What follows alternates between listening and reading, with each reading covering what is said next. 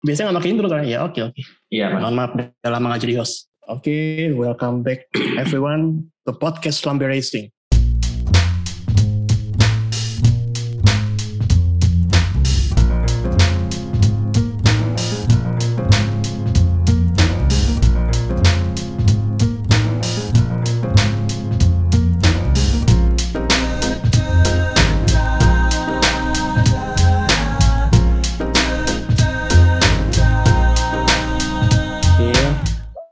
Baru aja seminggu ya kita selesai menonton F1 dengan drama yang super duper banyak sekali hingga akhirnya Max Verstappen juara dunia memenangkan hati kebanyakan netizen di seluruh dunia ya. Jadi untuk kali ini kita kedatangan tamu yang tamu yang sangat spesial yaitu Mbak Ade atau Serazet Mulia Saraswati. Beliau adalah penulis atau jurnalis dari motorsport.com Indonesia. Mungkin boleh salam kenal dulu Mbak Ade. Halo, selamat malam. Selamat malam. Malam-malam juga. Malam, Mbak Ade. Sehat Mbak Ade? Sehat. Sehat. Ya alhamdulillah. Kita juga kita semua juga sehat semua. Ya udah se- apa ya? Pokoknya udah sehat lah se- setelah berminggu-minggu nggak sehat menghadapi komentar SJW dan lain-lain. Pas F1 kemarin maksudnya. Aduh. British. udah udah udah kenyang Mbak sama itu sama gosip dan apa kontroversi seminggu terakhir. SJW British. Coba berhenti. Ya pokoknya kita nggak bahas F1 dulu lah. Break dulu lah, capek bahas F1 ya. Capek minta ampun. Bener-bener bukan masalah F1-nya tapi masalah eh, itu sosial-sosialnya itu lah. Ya oke, kalau nggak F1 berarti kita bahasnya roda dua alias MotoGP. Jadi kalau MotoGP 2021 ini Mhm. sejujurnya sih tidak se-hype banget kayak F1 ya. Maksudnya pergelarannya tidak sengit-sengit banget. Agak monoton sedikit. Cuman yang bikin menarik adalah ada seorang juara dunia baru. Dia berasal dari Prancis dan umurnya masih 23 atau 22 deh. Masih 22. Mhm. Nah, dialah Fabio Quartararo. Ini mungkin ada opini nggak pendapat mengenai Quartararo nih di tahun ini tuh kayak dia benar-benar bisa membawa Yamaha-nya ke depan benar-benar sendirian. Ya mungkin kadang-kadang blunder, kadang-kadang nggak nggak nggak menang, nggak podium, tapi rata-rata hampir seluruh race tuh poin terus. Iya. Mungkin kayak jatuhnya sekali dua kali doang kan. Mungkin kalau yang pendapatnya Mbak Adi mungkin gimana terhadap Quartararo? Aku lihat Quartararo dia eh, sukses juara dunia itu sekaligus membungkam kritikan ya. Karena kan waktu dia Iya. promosi ke MotoGP 2019 itu, waktu itu kan sama eh, ada Joan Mir, ada Francesco Bagnaia, terus ada Miguel Oliveira, itu dari empat rookie di musim 2019 itu cuma Quartararo yang dipandang sebelah mata. Karena dia bukan juara dunia Moto3, dia bukan juara dunia Moto2, bahkan dia cuma menang sekali di Moto2 di 2018 di Catalunya gitu.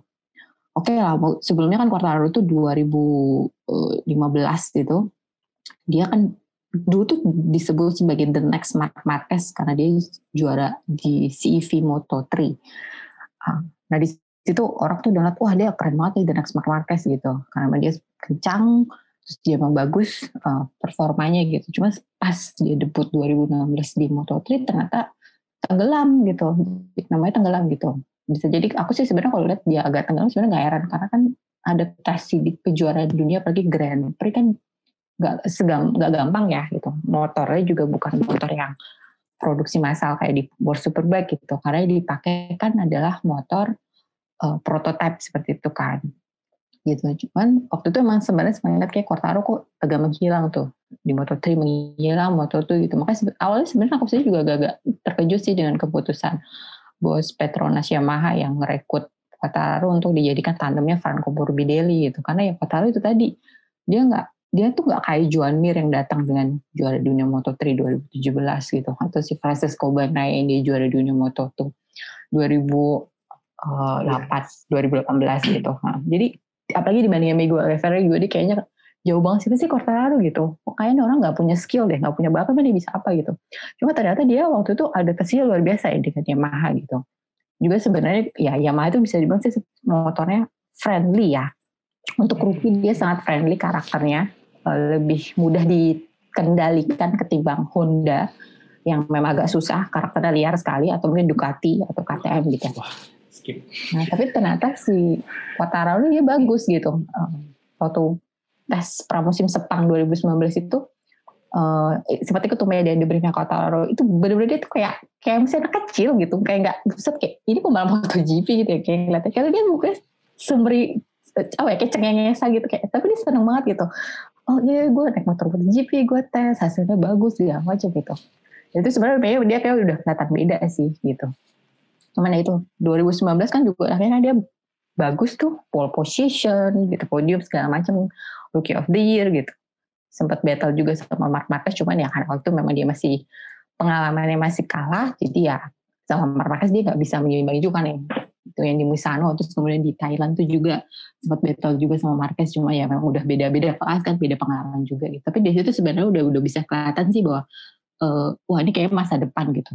Yamaha juga kayak udah lihat oke okay, ini kayak kita udah nemu nih uh, penerus Rossi gitu. Gitu. Awalnya kan sebenarnya Yamaha itu uh, mau menjadikan Maverick Vinales sebagai penerusnya Rossi gitu. Jadi begitu Rossi pindah ke Petronas, itu Maverick Vinales itu didapuk sebagai kapten pengembangan motor. Yeah. Tapi kan ternyata Vinales dalam perjalanannya gagal. Yeah. Dalam bantu. tahu sama tahu lah. Mulai. Kena mental. iya loh. Iya. Sampai aku gaspol itu gagal ya nanti, nanti kita nanti kita bahas lebih lanjut nanti finalisnya tenang ya udah jadi akhirnya ya kota lu ternyata memang bagus gitu walaupun 2020 memang dia eh, nggak konsisten ya ya gimana ya baru pertama kali dia tuh itu baru tahun kedua di MotoGP tiba-tiba dia jadi title contender aku pikir kayak semua pebalap yang belum punya pengalaman lah, belum punya mentalitas juara, pasti kaget lah dihadapi dalam hmm, situasi dan tekanan seperti itu gitu kan. Makanya dia sering jatuh, inkonsisten segala macam gitu. Cuman akhir mus kuncinya sebenarnya kota juara dunia itu akhir musim 2020 itu dia ketemu sama sport school gitu. Sekolah olahraga. Nah di situ tuh dia lebih tenang kan dia.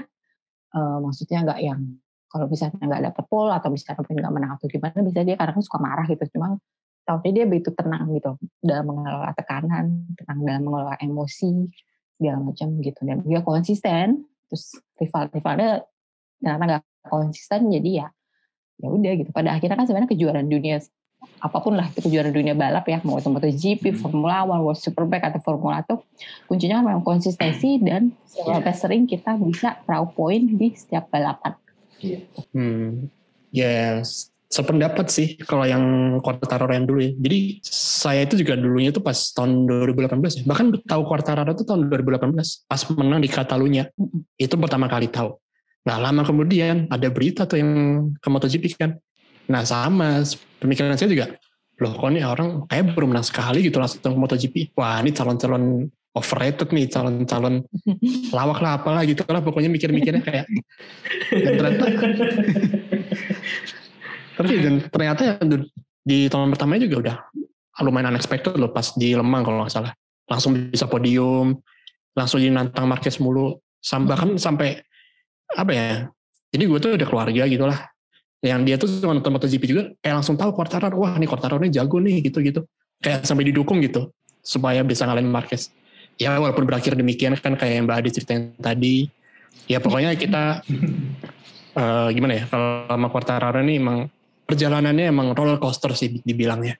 Yang awalnya dikira The Next Marquez, terus tiba-tiba hilang, nggak ada kayak nggak ada unggul-unggulnya kayak biasa aja, terus muncul lagi dan akhirnya bisa jadi seorang juara dunia. Iya. Nah, nah tapi kan dia kan nyetir Yamaha dan yang bisa dibilang apa ya? Bisa dibilang cukup OP sih. Iya. Tapi minusnya adalah dia menjadi single carry Yamaha. Dia benar-benar berjuang sendirian untuk tim Yamaha di poin konstruktor hingga akhirnya dia bisa kalah jadi Ducati. Nah ini kita mesti tahu dulu nih penyebabnya kenapa nih. Ya siapa lagi kalau bukan finalis? siapa lagi kalau bukan finalis yang bikin Quartararo ini agak ketar-ketir lah ngadepin Ducati istilahnya. Ya mungkin Mbak Ade udah ya gimana ya. kalau finalis kan awal tahun tuh menang ya. Dia menang di KGP Qatar tuh.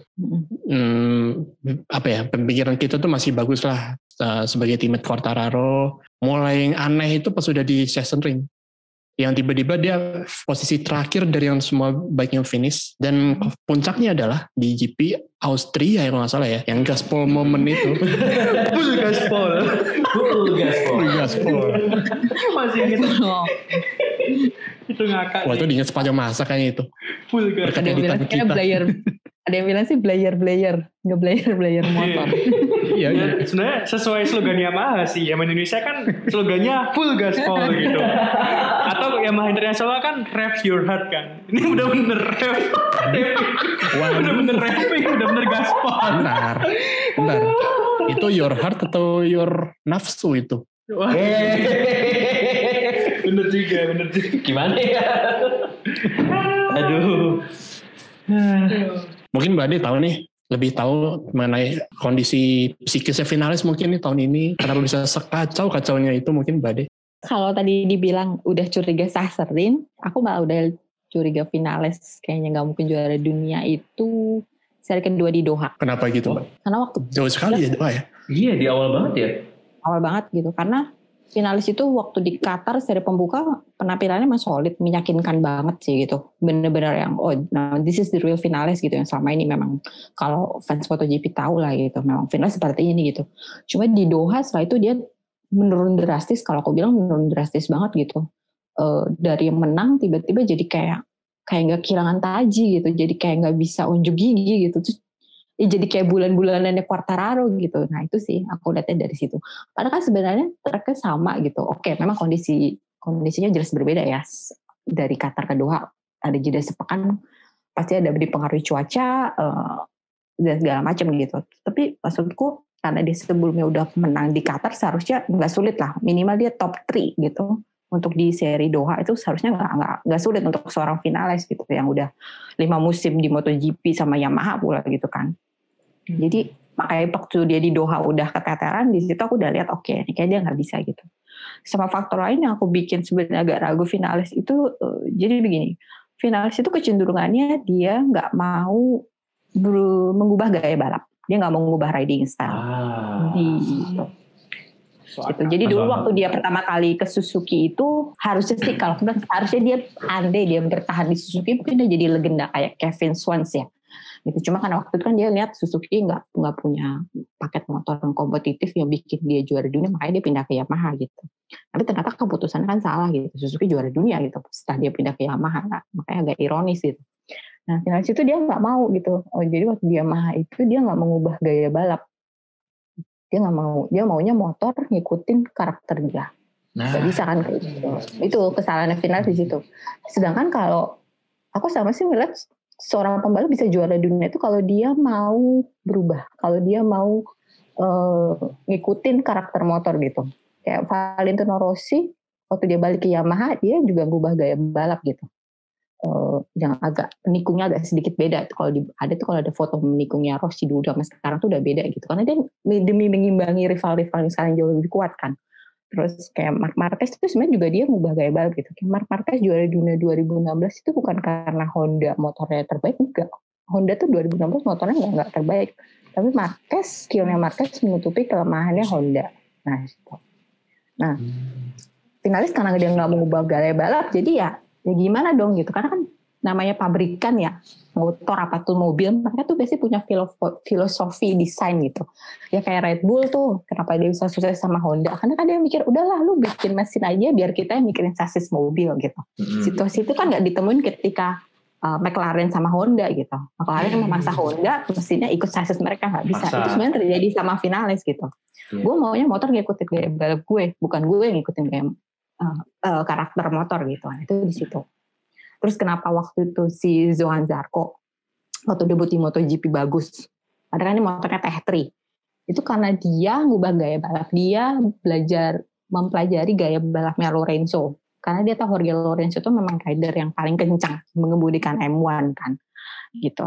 Jadi belajar dari Lorenzo dia datanya seperti apa dia gaya balapnya apa ya dia ngikutin gaya balapnya Lorenzo jadi dia ngubah gaya balap gitu. Cuma kalau di KTM ternyata dia nggak berhasil kan si, Zarco gitu.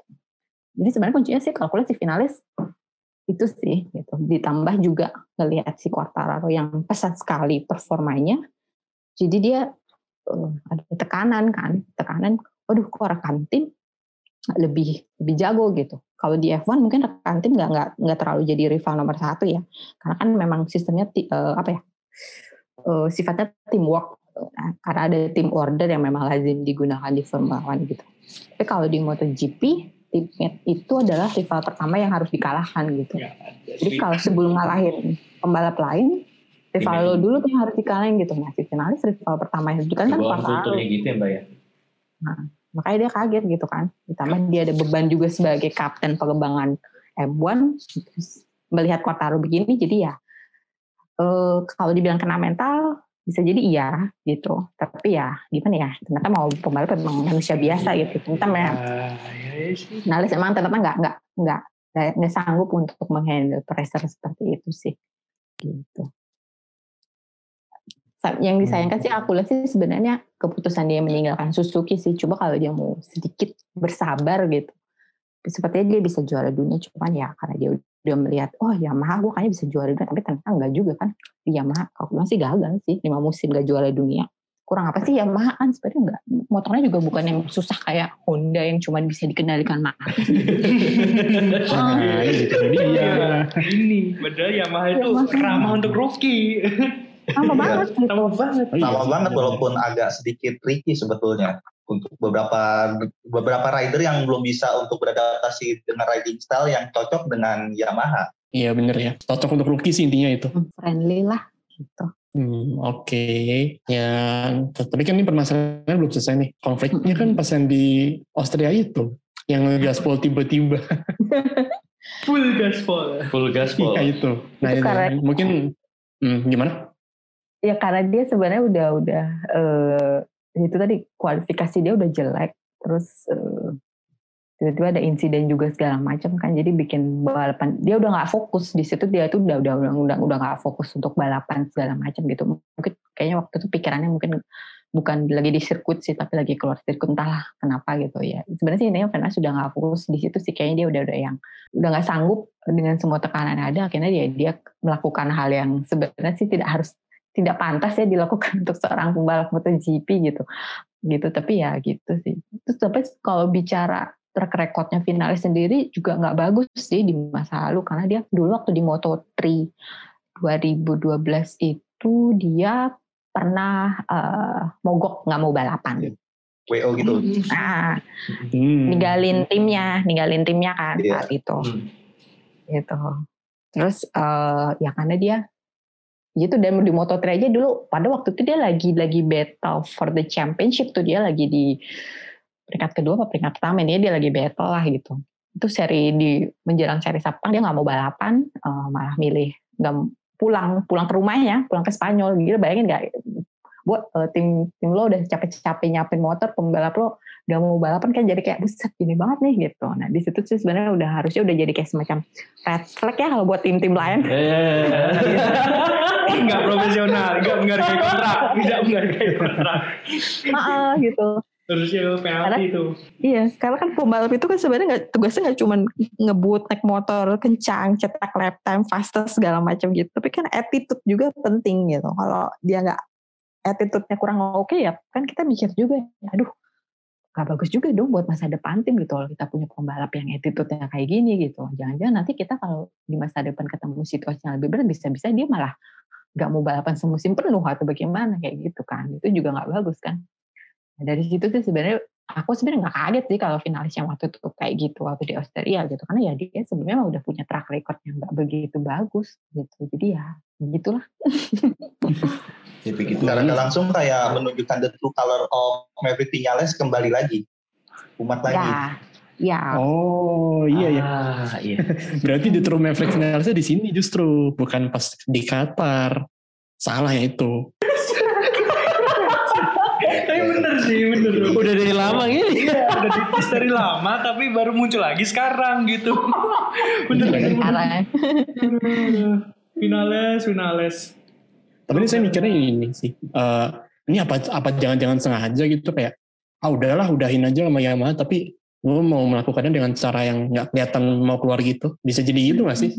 Mungkin karena dari Aprilia juga udah menjanjikan gitu kan. Kita nggak tahu atau mungkin mbak ada tahu gitu. Kayak ada rencana-rencana liciknya di finalis biar cepet-cepet ke Aprilia bisa jadi. Enggak juga sih. Soalnya gosip sama Aprilia itu eh, eh tapi sebenarnya memang gosipnya udah sama Aprilia itu waktu yang di Asen itu sih yang kualifikasi itu sih pemicunya Ingat di ya, situ tuh yang ingat di Asen itu yang di di kualifikasi itu kan yang di Asen eh, yang dia dia podium tuh tapi mukanya kelihatan suntuk ya kelihatan bete gitu. Sedangkan Quartararo kan happy banget. Nah di situ sih sebenarnya itu malam malam jelang race itu tiba-tiba ada muncul kabar. Ah finalis ninggalin Yamaha terus pindah ke Aprilia di situ. Bisa jadi mungkin Aprilia udah deketin itu kita juga nggak waktu itu kok jujur sih nggak nggak tahu sama sekali gitu. Tapi mungkin sih gitu Eh, walaupun sebenarnya memang agak kurang lazim sih pe- pembalap pindah tim di pertengahan musim walaupun sebenarnya udah pernah terjadi kejadian juga sih waktu Zuhal Zarko ninggalin KTM kan pertengahan musim gitu. Itu kan waktu itu KTM sama Zarko pilihannya memang mutual agreement dalam arti kesepakatan bersama. Kalau selama mutual agreement berarti boleh aja pembalap sama tim pisah sebelum kontrak berakhir ya gitu. Cuma kalau satu kasusnya finalis sih kemarin jadi dipecat Yamaha gitu. Walaupun press release-nya Yamaha bilang mutual agreement gitu tapi ya ya Di Dari alus-alusin. ya di depan media nggak boleh kasar.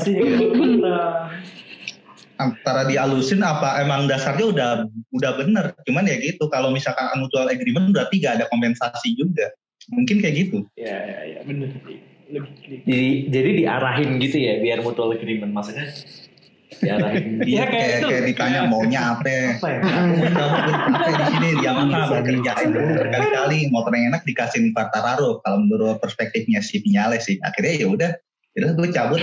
Lo mau ya udah don lo gue end lo gue N ya Duh gue.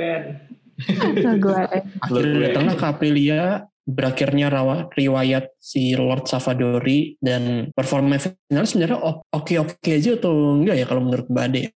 Savadori Mungkin kan baru awal-awal juga. Enggak, bukan finalis. Finalis Oh. di Aprilia. Hmm, ini sih dia masih gimana ya? Kalau sekarang sih aku lihatnya kalau ya ambisi dia kan sebenarnya mau jadi juara dunia MotoGP.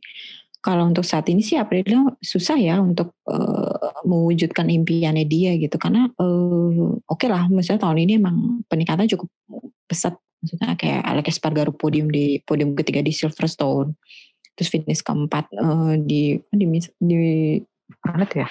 Ah, pokoknya setelah itu intinya sih masih susah sih kalau aku bilang Aprilia untuk untuk kayak eh, ngimbangin Honda, Yamaha atau bahkan Ducati sekalipun gitu. Karena memang ya mungkin bisa jadi juara dunia gitu, tapi butuh sekitar lima lima tahun ke atas lah gitu. Karena juga lawannya Aprilia kan sekarang pertama kan KTM dulu nih yang di kalau di konstruktor udah jelas tuh KTM gitu.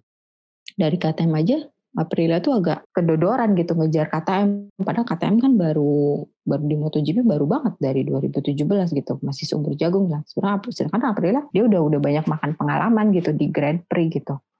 Agak susah sih kalau aku sih lihatnya maksudnya kalau misalnya finalis mau juara dunia sama Aprilia ya mungkin dia harus bersabar gitu. Tapi pertanyaannya sekarang sam- sampai sejauh mana batas kesabaran finalis gitu. Karena ternyata dia di Suzuki kan dia cuma bentar, Min- habis itu pindah ke Yamaha. Yamaha apa lah lima musim. Tapi saat itu dia juga nggak juara dunia gitu, gagal kalau aku bilang. Jadi dia Aprilia ini kalau dia masih mau juara dunia, dia mau sabar nggak gitu? Atau jangan-jangan nanti malah pindah ada lagi episode kayak gini gitu. Bisa jadi kan berulang lagi nih sejarahnya dia kayak gitu sih. Oke. Udah cukup sih kayaknya bahas finalis ini udah. Udah ya apa ya dramanya juga lumayan lah. Walaupun buat kita seru Sebenarnya tapi kayak banyak mereka- gitu mau diomongin dari finalis gitu cuman ya. Tadi, tadi video ini eh, nanti, nanti apa? Podcastnya dua jam. Enggak kayaknya episode sendiri c- cukup deh, baru cukup. iya mungkin satu bahasan khusus finalis gitu ya Dari dulu di Moto3 yang pernah ngambek. iya Ya. Las finalis kayak sama aja kayak ibu-ibu tuh menggosipin tetangga yang habis selingkuh kalau malam. Iya, Bisa-bisanya dong. bukan kelarnya itu Aduh. Aduh. Finales, finales. ya udah move on deh ke ke penantangnya Yamaha kemarin yaitu Ducati nah menarik ini Ducati ini dari tahun berapa ya dari tahun 2017 lah paling enggak itu udah main title contender terus tuh dari zaman Dovizioso sampai sekarang. Cuman ya tradisinya adalah they are always second. They rather are almost always second. Dari 2017 Dovizioso juara 2, 18 dua lagi kalau nggak salah. Terus sekarang bahkan Bagnaia juga juara dua lagi nih. Nah ini nih ada faktor apa nih Ducati nih? Hmm. Kayak nanggung terus gitu hasilnya. Kalau yang sekarang sih sebenarnya udah ke arah yang benar sih. Kayak mereka udah udah nemu formulanya nih. Eh, kalau dulu terakhir mereka juara sama kayak Ferrari itu 2007 itu dengan Casey Stoner Casey Stoner ya nggak perlu diragukan sih dia talentanya sama dia bagus banget sih Hmm, sayangnya pensiun muda ya Hmm, Ducati itu sebenarnya kesalahannya kalau dibilang penantang penantang iya gitu tapi Ducati itu nggak punya pembalap yang world champ material nggak punya pembalap Ah, kayak Casey iya. Gitu. Bener. kesalahan Iya. Ducati di sini kalau untuk paket motor nggak perlu diragukan sih, mereka memang the best bike untuk saat ini, the best bike di grid kan. Eh, top speednya udah nggak perlu dipertanyakan lah. Apalagi di di track lurus kan gila banget kan itu eh, powernya Ducati. Overpower. Cuman ya itu Ducati, ah, Ducati nggak punya punya pembalap yang world champ material gitu. Eh, dulu oke dulu memang mereka sempat memutuskan menggait Rossi gitu, tapi kan ternyata Rossi gagal dua musim kan dia akhirnya ya karena waktu itu bisa jadi mungkin Rossi kayak udah adaptasi tapi dia juga kayak gemes juga kan karena motornya kok nggak mengikutin dia ditambah juga waktu itu filosofinya Ducati masih dibilang kaku lah gitu Iya. kalau sekarang kan udah udah agak lumayan beda nih begitu Gigi Dalina masuk tuh udah agak beda nih Ducati nah Ducati sekarang arahnya udah udah yang enggak dia lebih memilih investasi ke pembalap muda gitu. Gitu makanya si si Bagnaia sama Miller ditarik dari Pramac Racing. Jorge Martin akhirnya ditarik dimasukin ke eh, Pramac tandem sama Zarco. Jadi biar duet muda sama yang senior ini bisa transfer ilmu kan seperti itu gitu tapi sebenarnya nanti prediksiku masa dep- kalau di masa depan nanti kemungkinan sih Martin itu naik ke pabrikan Ducati tandem sama Bagnaia Miller di depak gitu. Aku sih lihatnya kayak gitu. Ya. Buk- bukan berarti Miller nggak bagus nggak. Miller tuh bagus tapi apa ya dia tuh kayak ada kur ada yang kurang gitu dari Miller. Eh, dia kayak hmm, apa ya?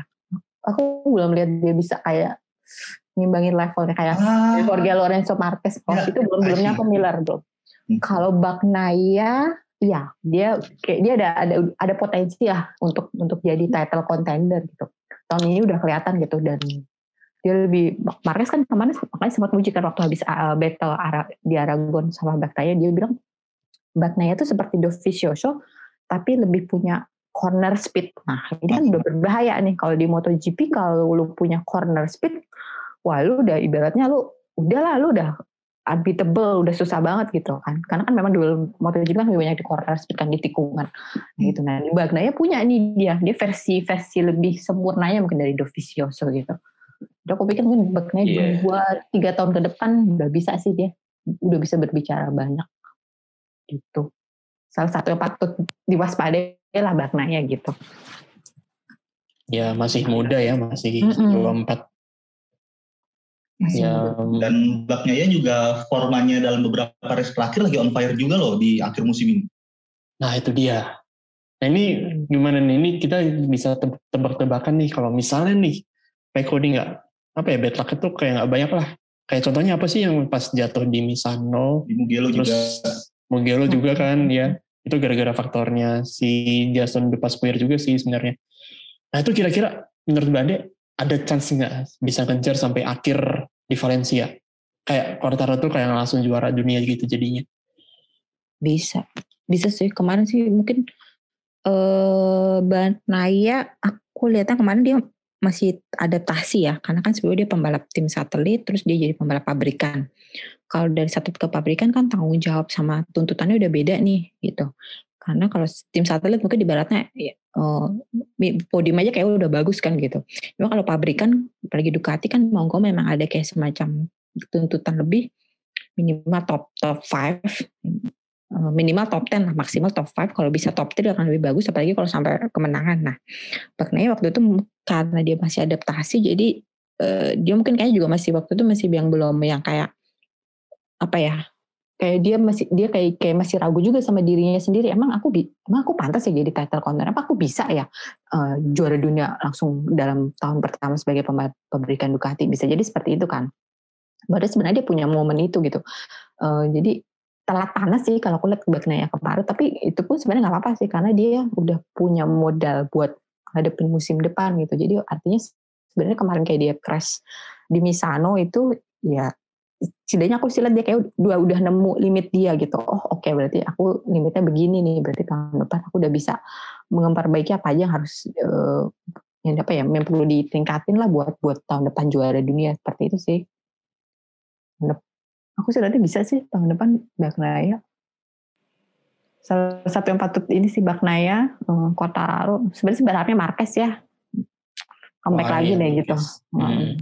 Kan dia yang memang dia apa ya dia memang bisa bikin balapan lebih hidup sih hidup dalam arti kan karena orang kan pasti pengennya aduh Marquez nih wah gimana ya cara ngalahin dia gitu ah, kan gitu kan yeah. kayak kayak ada semacam validasi lah gitu kalau misalnya yeah. lu juara dunia sambil ngalahin Marquez kan kayaknya lu berarti udah wah lu udah valid banget gelar juara lo ya kayak Verstappen sekarang kalian Lewis Hamilton kan dia hmm. apa lagi eh, Hamilton lagi inform kan jadi emang kayaknya udah validasinya Verstappen udah ya dia worthy worthy worthy world yeah. champion gitu ya ya tapi di di satu sisi Ducati juga bisa sukses ya mendapatkan gelar juara konstruktornya. Ya semoga nih ke depannya adalah dari ridernya kayak bisa mengulang dari Casey Stoner yang dulu. Ya tadi kalau di pikiran Bade Naya yang paling mungkin ya. Sama Jorge Martin. Oh iya Jorge Martin juga. Ah, ini iya. Pramak nggak dibahas nih Pramak nih lupa. Rookie of the Year iya Jorge bener. Martin oke mungkin nah ini kan di yang MotoGP tahun ini kan lebih ke Yamaha versus Ducati ya tapi kita tidak melupakan yang lain juga masih ada Honda. Nah ini Honda nih. Honda ini kan tahun lalu nih benar-benar terpuruk banget ya sejak kehilangan Mark Marquez. Dan di tahun ini Mark Marquez tuh sudah kembali dan dia juga sudah bisa menang ya pelan-pelan lah comebacknya tuh. Kayak tadi Mbak Ade bilang itu. Berarti tahun depan kira-kira nih Mark Marquez sudah bisa langsung battle lagi atau kayak masih butuh waktu lagi nih Mbak Ade? Tergantung kondisi fisiknya dia. Karena kan sekarang dia cederanya bukan cedera bahu. Maksudnya kalau kemarin kan dia patah lengan kanan ya, tulang humerus tuh. Dia sekarang cederanya agak parah ya, eh, cedera mata. Itu ini apa dia punya ada penglihatan ganda kan diplopia gitu. Uh, Marquez pernah cedera ini waktu tahun 2011. Waktu dia masih di Moto2 itu dia crash di sirkuit Sepang tuh pas sesi latihan emang crashnya ngeri banget sih itu waktu di Sepang gitu kebetulan pas lagi di sana juga sih tahun segitu emang itu ngeri banget hmm, karena mata kan itu kalau aku bilang ini tergantung kondisinya seperti apa karena hmm, gimana ya? Mata ini kan kita nggak kita nggak tahu nih uh, proses pemulihannya berapa lama. Mungkin bisa sebulan mungkin juga bisa lebih tiga bulan atau enam bulan gitu. Dan untuk membalap mata krusial banget kan jelas gitu. Kalau kayak cedera kaki masih bisa pakai painkiller. Cedera tangan patah jari itu juga masih bisa painkiller gitu. Kalau mata kan nggak ada painkiller mata kan selama ini gitu kan. Nah jadi ya Honda sendiri juga mereka juga masih bingung ini gimana nih kondisinya Mark Marquez karena kan sedangkan Mark Marquez andalan mereka kan kontrak udah udah diperpanjang juga sampai 2024 gitu. Marquez juga masih dalam situasi yang kayaknya nggak mungkin untuk apa ya dia mau pensiun dini kayaknya dia nggak mungkin karena dia masih ambisius kan salah satunya memecahkan rekornya Rossi. Jadi ya eh, kalau bisa dibilang balik ke apa enggak itu tadi aku bilang tergantung kondisi fisiknya dia gitu. Sebenarnya tahun ini pun dia kalaupun dibilang sudah comeback, iya, tapi kondisi Marquez itu nggak 100% fit ya tahun ini, gitu. Jadi dia masih tangannya kanan itu sebenarnya emang agak lumayan parah tuh yang pas dia crash di RS 2020. Itu kalau untuk di sirkuit yang kayak dia kenapa bisa menang kayak di Sahaseri, kayak di Austin segala macam aku nggak kaget karena sirkuit Marquez itu kan dia kekuatannya di sirkuit berlawanan arah jarum jam dan yang memiliki banyak tikungan kering, eh tikungan kiri gitu. Nah, Sasana itu berlawanan arah jarum jam.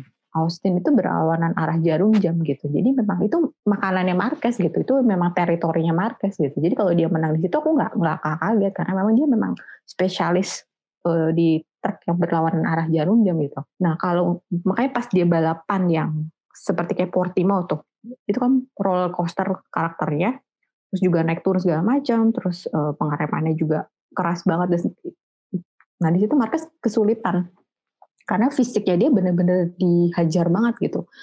Tangannya dia kan dituntut untuk kuat dengan apa ya menahan beban ketika dia menikung ke kanan gitu. Nah itu tangan dia yang cedera bagian kanan, jadi dia ya lemah di situ. Nah kalau waktu di tikungan yang apa ya, di sirkuit yang banyak tikungan kiri ya dia kayak santai aja gitu.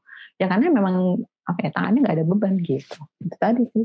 Kondisi dia sebenarnya tahun ini nggak nggak bisa dibilang dia comeback banget, enggak juga gitu kan dia nggak nggak nggak 100 persen, mungkin 70 85 persen lah gitu. Kalaupun dia menang itu karena terbantu sama karakter sirkuit aja gitu. Tapi memang ya bukan berarti Marquez skillnya nggak bagus, enggak gitu ya. Memang dia memang memang dia kuat sih di sirkuit-sirkuit berla- berlawan arah jarum jam sama yang banyak tikungan kiri seperti itu sih. Gitu. Makanya kayak di Aragon itu dia bisa battle sama Bagnaya sampai leg terakhir ya karena itu tadi Aragon kan karakternya berlawanan arah jarum jam. Banyak tikungan kiri juga. Jadi ya gak kaget sih kalau Marquez bisa battle di Aragon. Nah, tahun depan sih tanda tanya di situ. Yang agak pusing mungkin Honda, Honda bukan agak pusing ya, pusing banget sih karena Marquez ini selain jadi andalan utama dalam perburuan gelar juara dunia, Marquez tuh juga jadi referensi utama pengembangan RC 2113V gitu. Nah, Marquez nggak lagi cedera, jadi referensi pengembangan bingung nih mau ke arah siapa.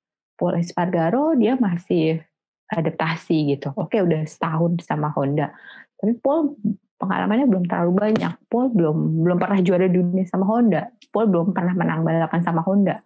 Nggak punya data yang bisa dikasih seperti Marquez. Kalau Marquez sudah pernah menang balapan kan dia ada data yang bisa dipakai banget gitu.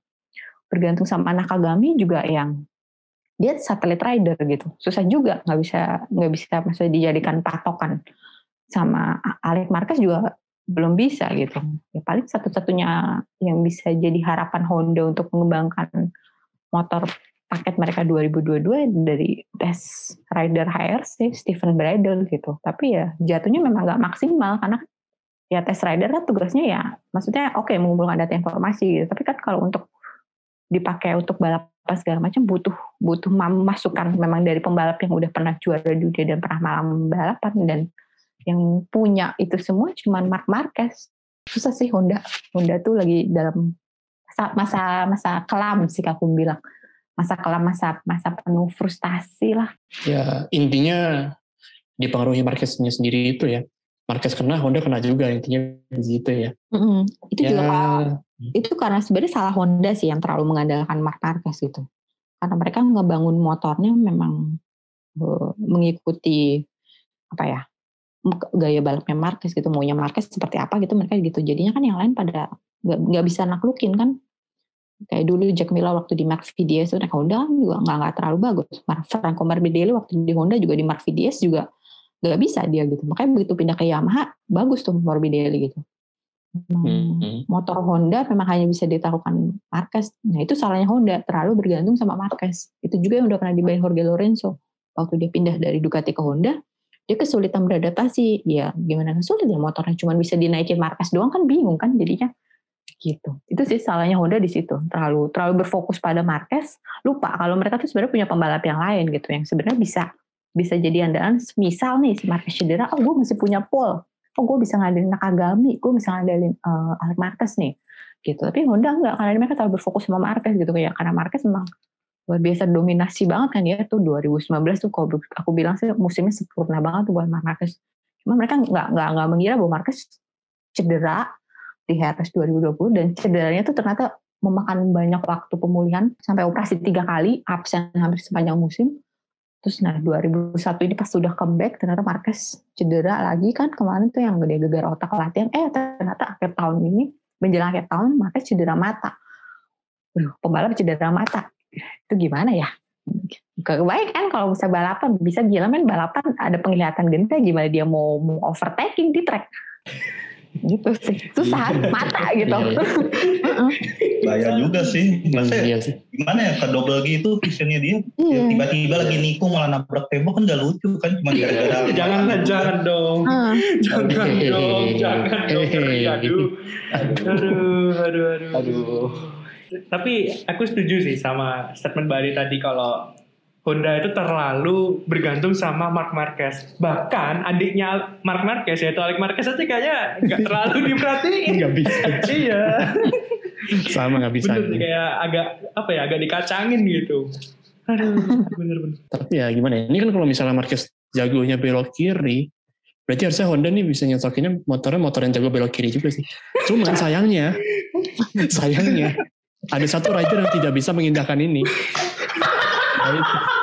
Nakagami. Nah, iya bener. Nggak tahu juga nih. Tiap Nakagami di depan tuh pas belok kiri tuh jatuh gitu. Sering gitu. Jatuhnya tuh pas belok kiri terus gitu loh. Aduh, kayak Bermasalah, bermasalah. nggak tahu deh. Semoga ke depannya dari semua rider Honda ini bisa berjuang lah semua. Sama Honda juga bisa berbenah juga. Tapi paling tidak ini Honda ini masih bagus lah performanya daripada juara bertahun-tahun ini yaitu Suzuki. Nah ini kita bingung nih, Ini kita bener-bener bingung nih. Kok bisa Suzuki yang sekarang jadi bukan Suzuki yang dulu gitu, bukan Suzuki yang tahun lalu. Ini mungkin dari range-nya, range tuh kayak kembali kambuh lagi itu kayak jadi king of fresh lagi tiba-tiba bareng Mark Marquez berdua. Terus Joan Mir yang Nah ini nggak tahu nih John Mir nih menurun atau emang kayak gitu emang, emang ternyata dari John Mir itu kayak gitu. Nah itu menurut Mbak Ade gimana nih terhadap dua rider Suzuki ini? Sama motornya juga mungkin ngaruh.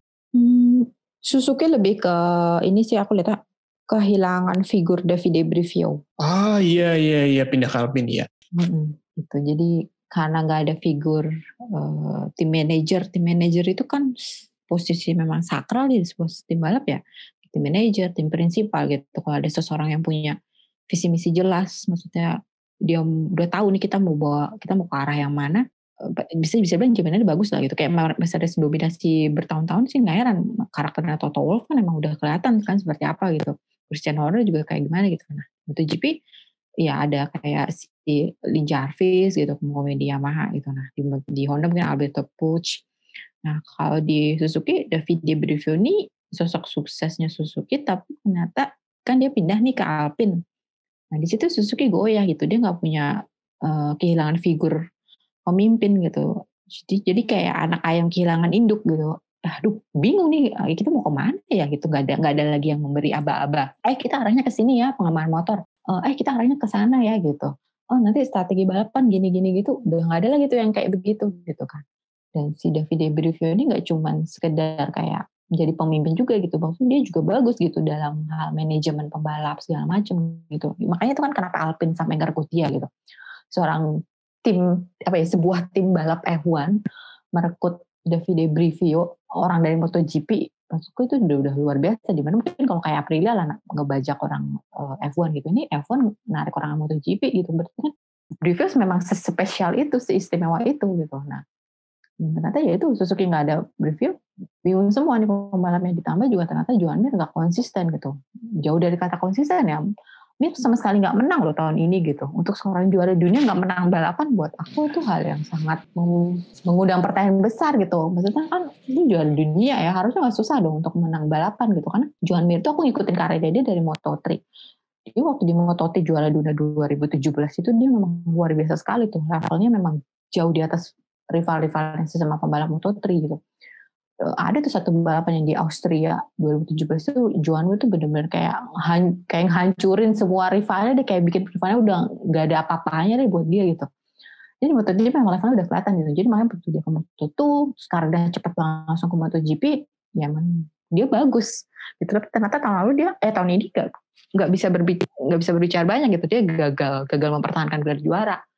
Nah ini kan juga catatan nih buat pembalap itu sebenarnya juara dunia tuh lebih lebih uh, pembuktiannya tuh justru lebih di uh, lo mampu nggak nih buat mempertahankan gelar juara gitu? Bukan ketika lo ngerebut. Kalau lo ngerebut itu maksudnya ya itu tantangan gitu. Tapi tantangan sebenarnya pembuktian pembalap sebenarnya itu ketika dia juara dunia tahun depan dibuktikan lagi nih bisa nggak lo mempertahankan gelar juara? Ini nih yang sulit gitu. Karena kan nggak gampang mempertahankan gelar juara. Nggak gampang untuk mengulang penampilan yang konsisten. Itu tuh nggak gampang gitu. Untuk terus menang tiap balapan tuh nggak gampang gitu. Jadi aku jadi ingat perkataannya Jonathan Rea sih waktu di Mandalika gitu yang waktu dia bilang oh, toprak juara dunia apakah itu mungkin jadi ada tekanan nambah buat dia atau justru tekanan dia apa atau dia jadi nggak terlalu tertekan gitu.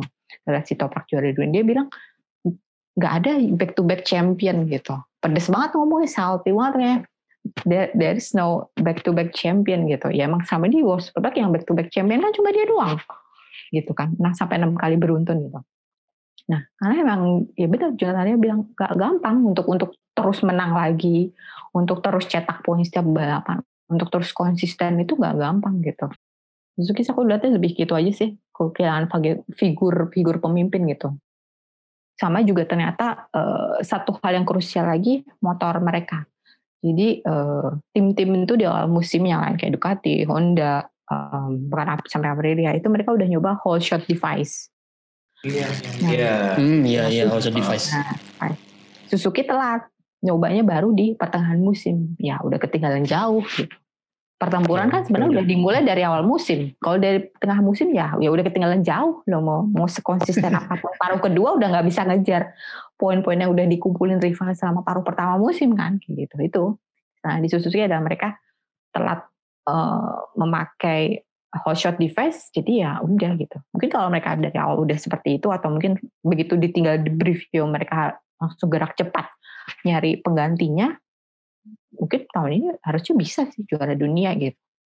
Tapi ya di klasemen kan bukan ternyata Joan Mir peringkat ketiga. Juara dunia tahun lalu juara dunia tahun ini peringkat ketiga di belakang Quartararo dan Francesco Bagnaia. Ya kalau aku bilang itu hasil yang sangat tidak tidak bagus ya. Tidak ya mungkin bisa dibilang kayak, kayak memalukan sih untuk juang juara peringkat tiga doang loh.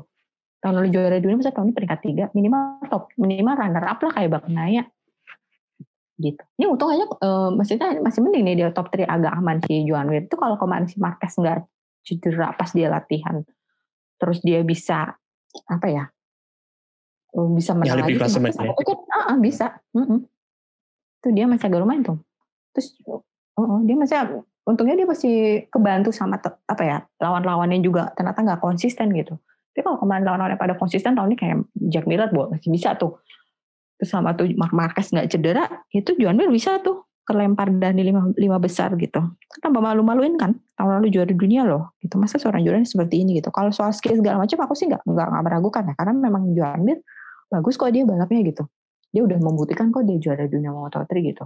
Tapi memang tahun ini ternyata ya dia dia nggak bisa cuma mengandalkan skill gitu. Memang dia dia butuh butuh semacam sosok juga sih yang leader di Suzuki seperti apa gitu sama motornya juga ternyata paketnya nggak nggak nggak nggak cukup bantu dia untuk untuk fight sama yang lain gitu.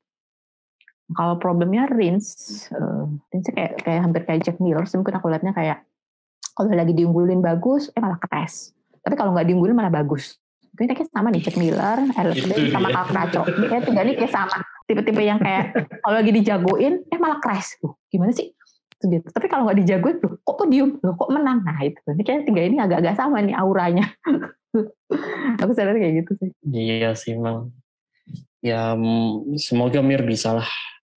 Jadi kayak Quartararo juga dan lain-lain.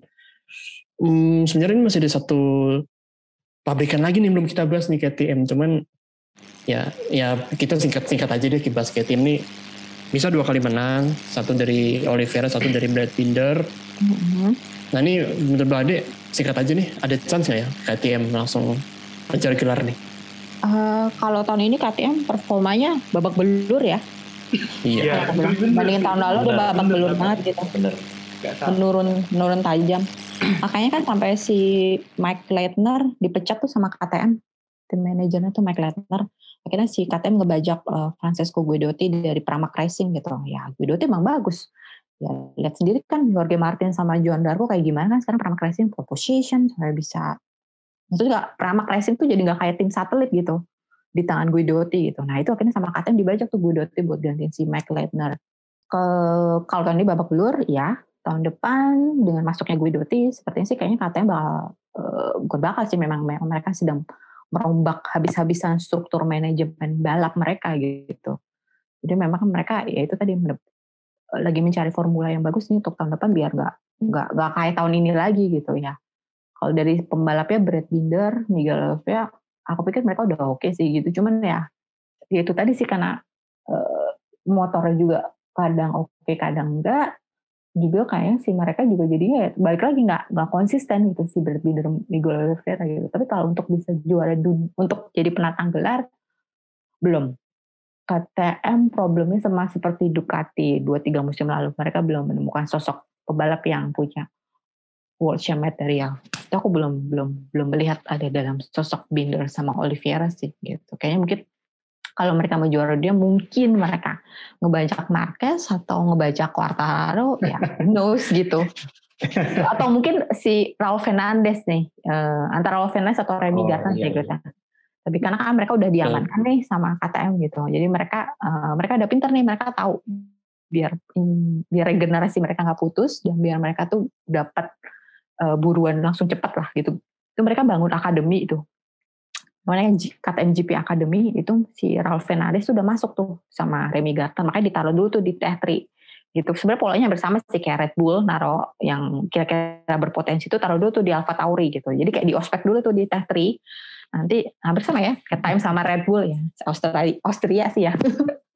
Nah nah nanti setelah itu nanti kat- eh, kalau kira-kira bagus tahun ini tahun depan tuh antara Raul atau Remy bisa itu nanti prospeknya ke pabrikan. Ya siap-siap aja salah satu binder atau Olivier yang ketendang gitu. Mungkin Raul Fernandez sih yang kayaknya bisa bukan dari Remy Gardner ya nggak tahu sih. Aku kemarin penasaran Raul Fernandez sih karena dia eh, luar biasa sih dia tahun ini. Dia oke dia gagal juara tapi tahun ini dia tuh menang 8 kali di Moto2 dan itu memecahkan rekor Mark Marquez gitu.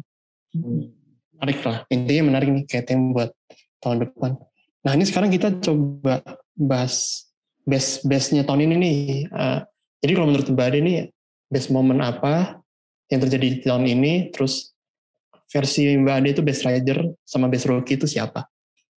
Hmm, best moment Pedro Acosta. Ini kan kalau dari kita nih Ini oh, harus MotoGP atau boleh Moto3 nggak? bebas sih, cuman kalau yang dari kita versi kita itu yang Brad Binder yang menang pakai slicks, nah itu yang menurut kita tuh paling wow gitu. Tapi kalau buat Yang mau Mbak Ade, mungkin ada yang lain gitu. Mau direplikasi Norris. oh iya, iya. Kalau Pedro itu saya juga oke sih wow gitu. Tapi aku saya lebih lebih terpukau waktu Pedro Acosta menang di Moto3 Doha. Start dari pit lane juara gitu. Karena belum Oh pernah iya iya iya.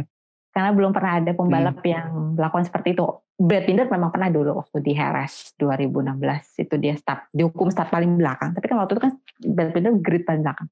Sedangkan kalau si Acosta ini eh, kasusnya dia adalah dia start dari pit lane. Nah kalau start dari pit lane itu kan dia harus nunggu sekitar sampai pembalap udah baru lewat tikungan pertama. Nah itu baru boleh jalan tuh. Itu udah berapa detik tuh gitu. Di- Buat balap motor ya buat balapan lah selisih 0,1 tuh udah kayaknya kiamat lah ya buat mereka.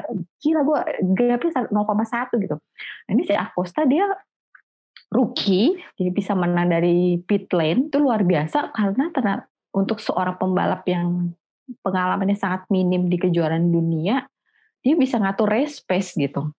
Itu gila sih, buat gue sih ternyata gila banget gitu. Race pace man gitu. Race pace kan kunci banget buat balapan motor ya terutama gitu. Dia dia bisa gitu loh. Bayangin deh, dia ru- dia rookie tapi dia bisa ngatur race pace gitu.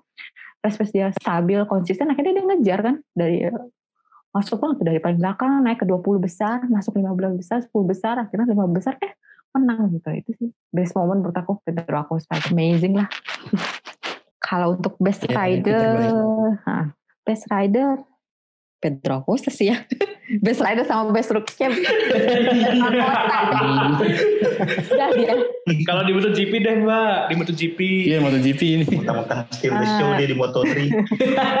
ya Pedro Acosta Iya, kayak udah beda level ya, kayak udah ya ya gak bisa dibantah gitu Iya. ya. Emang dia the best of the best gitu untuk saat ini. Tapi coba deh di MotoGP gitu. Best rider eh, ada dua ya aku lihatnya sih Fabio Quartararo sama Francesco Bagnaia sih. Ah. Lebih kayak Wah satu dua itu. dua. Dua ya. Gak gak bisa. Mikir. berharapnya Luka Marini ya. Enggak, kamar itu enggak. Karena Luka Luka kan tidak tidak tidak ikut andil dalam memberikan konstruktor title untuk Ducati ya. Kan makanya sesi foto itu kan Luka nggak dimasukin karena Luka kan nggak nyumbang poin sama sekali. Oh. Tapi at least gak ngabisin biaya bengkel lah ya. Biaya bengkelnya nol. Nah, gitu. Biaya bengkelnya Nol. nol at least. Ada besar.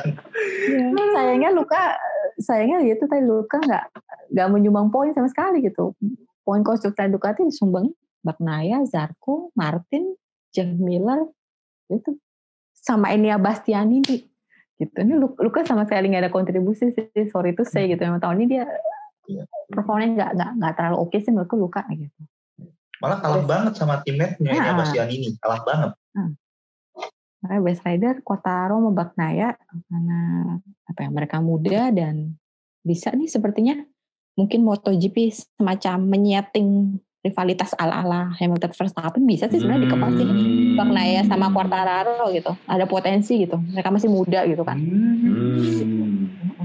Andai Ini kan, kan beda generasi sih. Hmm. Mungkin lebih ke Mika Xiumi soalnya kan berdua kan satu generasi yang sama dan kebetulan MotoGP ini banyak banget rider-rider yang kelahiran di antara 96 sampai 99 di angkatan yang sekarang. ya mirip bisa kayak gitu sih bisa Bisa, bisa. bisa sih kalau kalau Dorna mau mau nyeting ala-ala Nelville gitu bisa sih gitu dibikin Di terus ntar. Waduh. Ah, Ya, ntar bisa dibikin poinnya sama gitu. ntar. Ntar poinnya pas Valencia sama dong berdua. RS direkturnya siapa nih? ya. Siap-siap. Siap-siap hapus akun. Terus kalau Belum ketebak sih drama ntar mau gimana.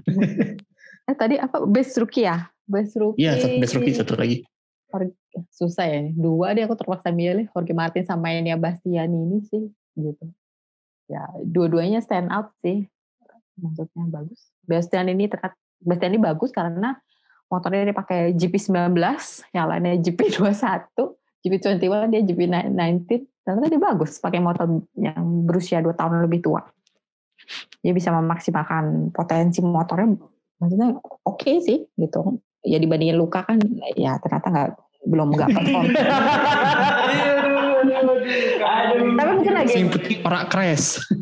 yang penting Dia Yang penting- yang penting sih iya yang penting sih sebenarnya nggak crash iya itu benar gitu tapi kan balapan kalau cuma sekedar mikir yang penting nggak crash ya ya lu kapan menangnya San Mori. San Mori jatuhnya. San Mori. Duta San Mori. Motor jalur abang. Aduh, aduh, tapi gila sih musim ini tuh bercampur aduk ya kayak kita tuh juga sedih gitu loh lihat seorang Valentino Rossi pensiun. Kita lupa kayaknya lupa mention ini ya tadi ya. Iya. Aduh. Iya sih. Hmm. Kita udah sering bahas ini juga gak sih? Iya, udah sering bahas tapi Iya, ya. udah keseringan banget bahas Rossi. Iya sih. Iya. Iya. Dengan segala Iya. bumbu-bumbu kita mewek gitu. ya aslinya emang mewek Emang sih. mewek sih. Didramatisir lagi aja gitu. Tapi impresinya lumayan dong. Iya. Iya. Rossi sih sebenarnya seharusnya sudah pensiun sih 2017 lah 2016 2017 sih harusnya gitu Ah, karena dia pensiun sekarang sih se- apa ya maksudnya dia lagi nggak dalam kondisi puncak jadi kayak bakal se- ya kalau kemarin sih pasti sedih ya sedih sama kehilangan besar. Tapi ya ngelihat Rossi juga di grid di belakang terus kan kita juga ya nggak tega juga Iya jadi apa ya iya. cuma lihat Rossi kayak cuma pelengkap grid cuma jadi Iya. tim penggembira gitu. Sayang banget gitu Rossi itu kan kita kan pengennya Rossi balapan ya kalau bisa di depan lah gitu. Wah, berebut podium lah gitu. Tapi makanya kan kalau lihat Rossi juga bertahan lama di MotoGP tapi dia juga di belakang terus ya kita juga ya aku sih kata kasihan gitu. Kan sembilan kali juara dunia loh di belakang terus gitu ya ampun kayak cuma jadi penggembira grip doang gitu jadi cuma pelengkap grip buat apa gitu. Jadi kalau Yes. kan Rossi memang sudah tepat pensiun gitu walaupun sebenarnya ya dari 2006 2017 sih harusnya udah pensiun gitu tapi bagusnya adalah sekarang aku justru lebih bersemangat menantikan karir Rossi di balap mobil ini yang lebih dan dia kelihatan menjanjikan dan sepertinya ada potensi sih yang untuk untuk ke Lembang 24 hours gitu. Gitu. Karena kan ya nama besar Rossi ya pasti tim-tim udah udah bakal mikir exposure-nya kan udah gede banget ya gitu gitu aku justru lebih menantikan Rossi di karir balap mobil ini sih kayak gitu karena dia dia dia kayaknya punya potensi dia dia kayak bisa mungkin bisa mengikuti jejaknya John Surtees deh ini dari Wih. juara di mobil. Ih. Kasih emot mata dulu. Menarik. Kasih emot mata dulu. Waduh. Kasih emot mata. Iya, Siapa tahu beneran. Gimana? Udah nyoba Audi kan kemarin? Nah. Udah testing loh. Aduh. Sama WRT. Iya, BRT yuk, yuk. Calon setim Gerail nggak nih? Setim. Gerail. Bisa jadi, bisa jadi. Bisa iya, bisa enggak. Pasti bareng. Iya. Siapa tahu ya. Tapi katanya mau turun di Daytona di IMSA ya. Gosip-gosipnya. Belum sih, belum. Wah, Belum apa ya? yang nggak bisa buat Rossi? Kan dia peringkatnya masih silver. Dia belum, Iya. Oh, Iya. belum bisa kan dia. oke. Dia baru 5-6 kali balap mobil dia masih silver sih kendalanya. Cuma kan dia belum bisa yang ke GTI Pro kan. Gitu. Sedangkan Iya. bosnya Tim RT kemarin bilang pengennya dia nurunin Rossi di kelas Pro. Gitu. Kalau sekarang kan Rossi baru bisa di kelas AM kan. Hmm. Kendalanya karena itu tadi Rossi karena dia masih silver gitu. Gitu mungkin dicoba dulu banyakin balapan nanti kan nanti bisa kan dari silver ke gold. Ah, baru dia platinum. Wah, Hmm. ada. Atau mungkin Iya. ada jalur konsensi gitu dikasih dipermudah gitu demi rating. Eh. Ya barangkali. Eh, gimana, apa? gimana Mbak? Bisa nggak tuh? Oh, enggak sih, kalau itu aku nggak adil lah buat pembalap yang lain. Iya sih. Iya sih. Iyalah. Hanya karena dia juara, hanya karena dia sembilan kali juara dunia dia harus Nah. lewatin proses yang sama dong, gitu. Nggak Hmm. bisa, nggak fair loh buat yang lain gitu kan. Benar-benar. Gitu. Aku rasa juga Rossi pasti juga nggak mau lah kalau di diberi kasih jalan yang mudah gitu. Kan kesannya dia kayak, wah, kok gue kayak privilege banget gitu. Kan juga pasti Rossi pengen ngebuktiin gitu, oh, gue bisa kok dari silver ke gold. Gitu. Nah, iya. Safety car aja kemarin ribut, apalagi ini kan konsesi bisa tambah ribut lagi. tambah ribut lagi ntar. Ya, takutnya gini. Ya takutnya gini, contohnya itu udah ada gitu loh. Nih mungkin kalau memang mereka dia tahu nih. Jimmy Johnson yang tadinya jago di NASCAR, pas ke IndyCar jadi gini kan sekarang. Contohnya kan kayak gitu tuh. Jadi biasa aja. Hmm, Nah, Tapi wajar gak sih? Soalnya si Jim Johnson ini di NASCAR dalam beberapa musim belakangan emang agak decline. Oh, oke. Jadi kayak agak sedikit wajar gitu. Ya dia gambarannya gitulah takutnya kalau misalnya pakai konsesi-konsesi gitulah. Iya sebaiknya jangan. Nah ini ini ada nih satu topik yang terakhir tapi nggak bisa kita tinggal. Topik ini nih mau lokal tapi agak pedes-pedes pedes Wah. keprek gitu lah. Nah ini nih tahun depan Oh tuh ngecek depan rumah doang ada tukang bakar. Itu cek depan tuh ada. Eh, anak magang cek dong. Ada tukang bakso nggak? Anak-anak. Ada tukang bakso. ya jadi singkat aja nih Mbak Ade menurut Mbak Ade nih tahun depan kan Indonesian GP bakal digelar nih Mm-mm. melihat situasi yang sudah terjadi di West Bella kemarin dengan segala drama-drama bumbu-bumbu pedesnya sampai yang lucu-lucu juga. Nah ini harapannya gimana nih di Indonesian GP untuk MotoGP ini? Hmm, harapan sih aku bilang standar ya mungkin kayak kebanyakan orang semoga lancar sukses segala macam gitu Semoga. klise Amin. kayak gitu Amin ya. Semoga amin. jadi. Amin dulu. aja. Semoga jadi. Bener kan? Bener kan? Sebelum lancar penting jadi dulu. Iya.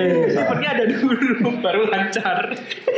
Tentang-tentang Omikron ya. Tentang Eh, iya loh. Break sekarang. oh iya Iya, benar. Siapa tahu. Iya kan? Semoga jadi dulu deh. PL aja mundur terus kan? Nah, lebih ke ini sih eh, bukan harapan ya Eh, aku pengennya sih pihak penyelenggara sekarang kalau bisa penjagaannya harus lebih ketat Eh, jangan sampai ada insiden unboxing Ducati kemarin itu memalukan sekali ya Mm. Iya, Eh, iya. apalagi ini MotoGP motornya motor prototipe ya bukan motor yang dijual atau produksi massa kayak WSBK yang lu bisa nemu lah di showroom motor pasti ada gitu MotoGP kan enggak motornya kan enggak dijual sama sekali gitu Hmm. Nah itu kalau bisa jangan sampai karena pasti eh, tim-tim MotoGP juga pastinya nggak akan oke lah mungkin mereka tidak akan membawa membesar-besarkan ya barangkali sih jangan sampai ada kejadian gitu sih. Intinya sih mereka ha- harusnya belajar sih dari kemarin insiden unboxing itu. Menjaga harus lebih ketat harus ketat sangat ketat. Terlepas apakah itu mereka udah orang lokal di sana atau gimana ya harusnya mereka nggak boleh kayak gitu. Mereka harus tahu bahwa yang punya akses hanya mereka yang berkepentingan nah, yang memang punya akses untuk masuk ke pedok. Dan seharusnya pedok juga steril gitu. Karena selama ini kan kalau kita lihat kayak di kemarin di Arab Saudi kan itu kargo-kargo kan sama sekali nggak ada orang tuh di Jeddah gitu. Di Sepang pun juga nggak ada nggak ada orang warawiri di padok gitu. Mas kalaupun misalnya ada orang wa- warawiri di pedok atau di pitun ya memang mungkin bagian dari tim atau dorna atau mungkin kayak bea cukai gitu. Walaupun sebenarnya aku juga ke mana agak bingung tuh bea cukai kenapa aku ngecek motornya di sirkuit gitu? Kenapa nggak nggak ngeceknya di bandara gitu? Karena kan selama ini proses cek logistik itu kan seharusnya di bandara gitu. Kenapa harus di sirkuit? Gitu juga nggak ngerti juga sih tapi ya udahlah ya gitu. tapi intinya sih ya karena ini MotoGP eventnya pasti lebih besar pasti akan lebih banyak perhatian dunia media luar pasti juga bakal nyorot nih kalau misalnya sampai ada insiden sekecil apa pun kalau bisa jangan sampai ya tadi harus penjaga lebih ketat eh, orang-orang yang memang youtuber-youtuber itulah kalau bisa itu di di apa ya diaman mau diamankan sih. Kalau diamankan ke sana kayak kasar banget ya Eh, mungkin lebih kayak di harusnya diatur eh, terus kalau bisa tracknya dijaga banget banget jangan ada yang make track kalau memang dia bukan orang yang berkepentingan Cuman nggak tahu loh mana aku sempat lihat ada video kok ada bisa eh, gambar ngambil gambar tag lagi maksudnya dia bikin kayak video buat persiapan MotoGP itu dari youtuber lagi. YouTuber ini. Nah, nah, itu itu aku agak Aduh. aduh, ini, ini kita karena kan sebelum balapan akan dipakai tes pramusim dulu tuh 11 Februari sampai 3 Februari ya jadi kalau tracknya nggak dijaga aduh maksudnya ini kan mau dipakai buat pembalap MotoGP ya jangan di ya dipakai dulu lah sampai orang-orang yang nggak jelas itu aja sih aku bilang ya kan memang harus steril gitu.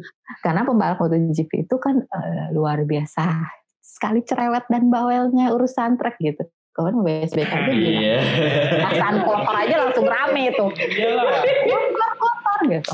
Langsung langsung kayak dibilang ah mandor online gitu jadi dikiranya tuh mandor online waduh nah ini MotoGP itu mereka lebih lebih lebih strict ya lebih cerewet lagi urusan aspal aduh itu, untuk Jorge Lorenzo udah pensiun tuh kalau Jorge Lorenzo udah masih balapan nih waduh tuh udah banget Iya, Heeh, Iya, Jorge kan kalau ngomong nyelekit banget gitu. Iya. Waktu di Buriram aja dia bilang tuh, oh, pit lane, pit lane entry-nya Buriram kan dia kayak minta dirombak karena menurut dia membahayakan.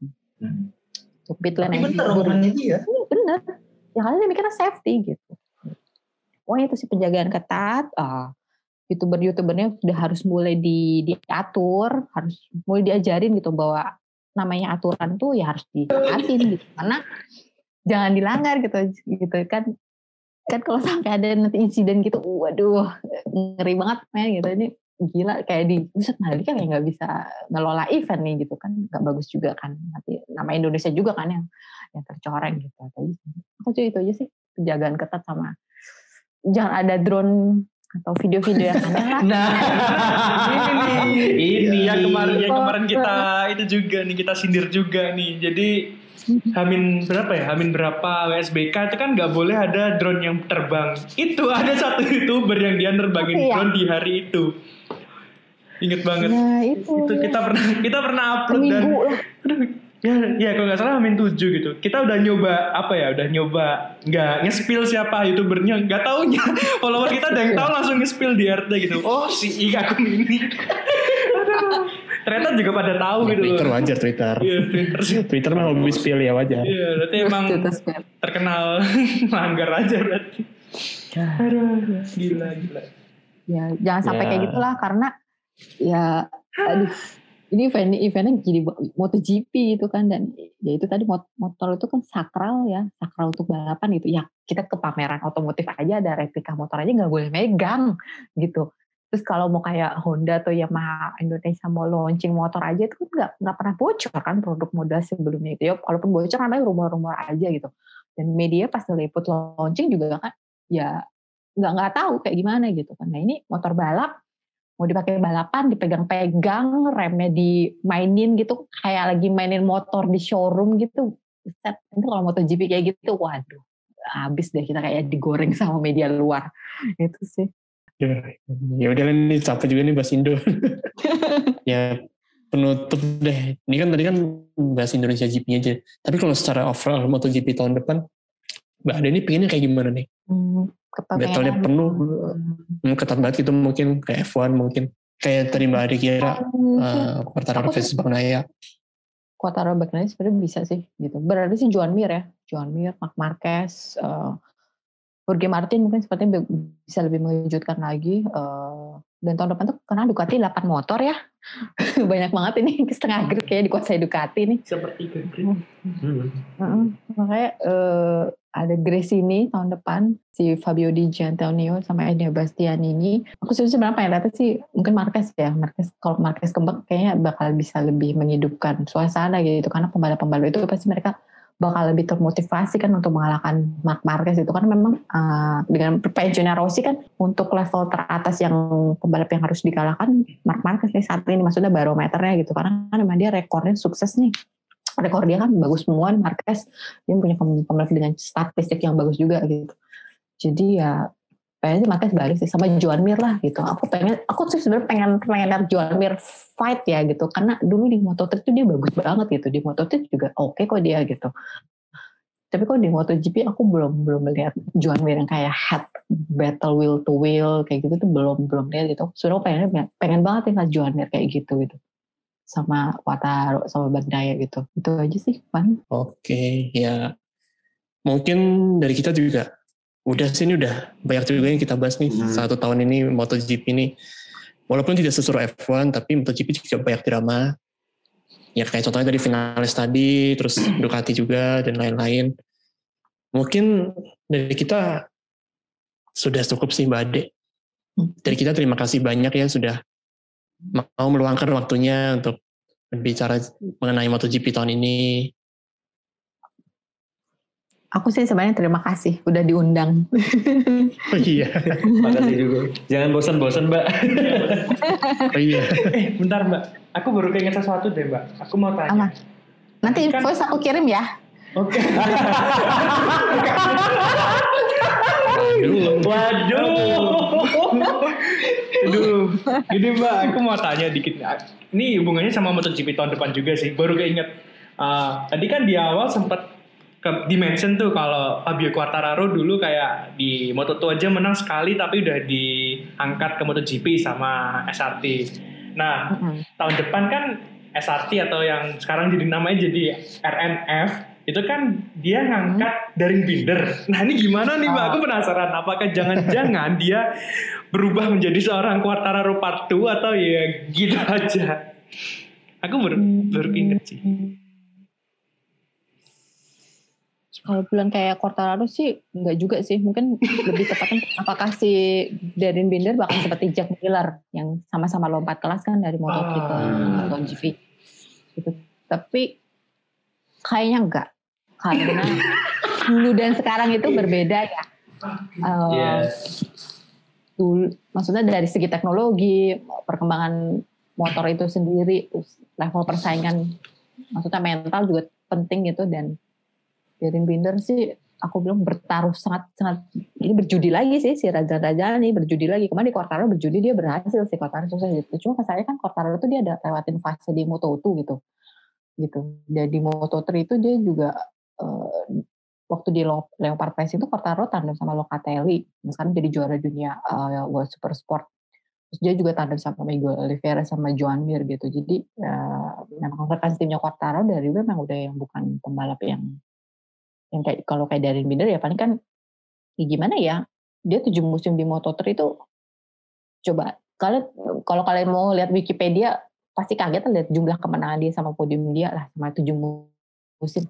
Itu harusnya kalau di Moto3 tujuh musim itu udah juara dunia lima kali lah minimal gitu.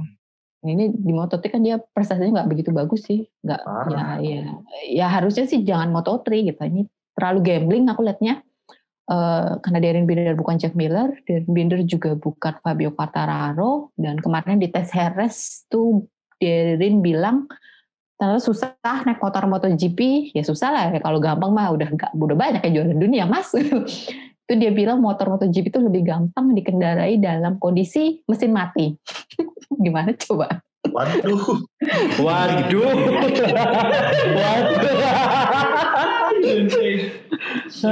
jadi jadi kan kayak mm, oke gitu. Tapi ya mungkin mungkin ada dia juga masih adaptasi. Oke sekali lagi masih bisa dimaklumi lah kalau dia adaptasi. Tapi ya itu tadi karena dulu dan sekarang itu beda. Jadi kalau apakah dia bakal seperti Jack Miller? Enggak sih gitu. Karena dia dia tidak melewati fase di Moto2 dengan level persaingan yang kita tahu lah di Moto2 kan kayak gimana gitu kan. Dan dia nggak dia nggak lewatin fase seperti itu loh. Terus dari mentalnya dia sendiri juga aku lihat kayak belum siap untuk ke MotoGP Nah, dia track record dia tuh kalau balap tuh dive bomb, dive bombnya juga luar biasa agresif ya. Jadi ya agak ngeri sih. Harusnya sih sebenarnya kayak Acosta sih, kayak Raul Fernandez. Moto3 dulu, Moto2 dulu, baru MotoGP gitu. Aja sih. Mm. berarti cara gak langsung juga ada chance kalau semisal dari Binder di musim depan ini dia bakal jadi bekasan Mori lagi nih. Nemenin Luka Marini ya. Sama-sama Iya, jalur itu. abang. Nemenin Luka Marini dong berarti. Iya. Battle for point di belakang. Tapi janganlah kalau kamar ini jangan enggak lah. Eh kalau bisa sih harusnya dia ya improve improve sih. Enggak dia dia bagus kok di moto tuh dia dulu juga Iya bagus. Sama tahun depan ini eh, aku yang penarasan Marco Bezzecchi. Oh iya, Jack. Sama Di Antonio. Ini sih banyak ya, Italia banyak ya lagi-lagi ini nih. Gian Bezzecchi Antonio bawa sponsor antangin nggak tuh tahun depan? bawa Federal Oil sponsor. Oh iya iya. Federal Oil ngikutin. Iya Federal Oil kan sekarang eh, tahun depan dia udah nggak nggak sponsor Gresini di Moto2 lagi, jadi dia udah fokus ke MotoGP tuh sama antangin juga gitu. Mereka kayak sepaket gitu sih. Gitu jadi ya itu. Tahu deh tuh, duitnya banyak juga tuh. Sponsor di MotoGP keren lah. kan Iya, keren. Nanti antangin iklannya ada ini ada motor MotoGP nanti. Eh di bungkusnya antangin nanti. Mabuk darat. sambil, sambil naik motor gitu. Aduh. Ya semoga MotoGP tahun depan nih apa yang tadi harapan Mbak Ade itu ter ter terrealisasikan semua lah. Ya kita sih pinginnya tahun depan ya seru aja kayak F1 yang sekarang gitu. Mm-mm. Tapi paling nggak jangan dibikin settingan lah. Oke mungkin kalau udah dari dari kita udah dari Mbak Ade udah. Ya udah kalau gitu eh, podcast kita dicukupkan saja. Ya oke penutupnya ya untuk kita kita nih jaga kesehatan juga ya jangan lupa. Pesan kerida yang selama ini diucapkan tuh jangan pernah sekalipun dilupakan ya. Ya jaga kesehatan. Tetap positif. Kecuali apa? Kecuali apa. Lupakan skip aja, skip aja. Oh iya Demi kebaikan bangsa dan negara mungkin tidak dilanjutkan. ya intinya tetap positif di segalanya kita harus tetap positif ya saya sebagai host cabut Oke. Oke, bye. Yeay. Dadah. Bye. Wow.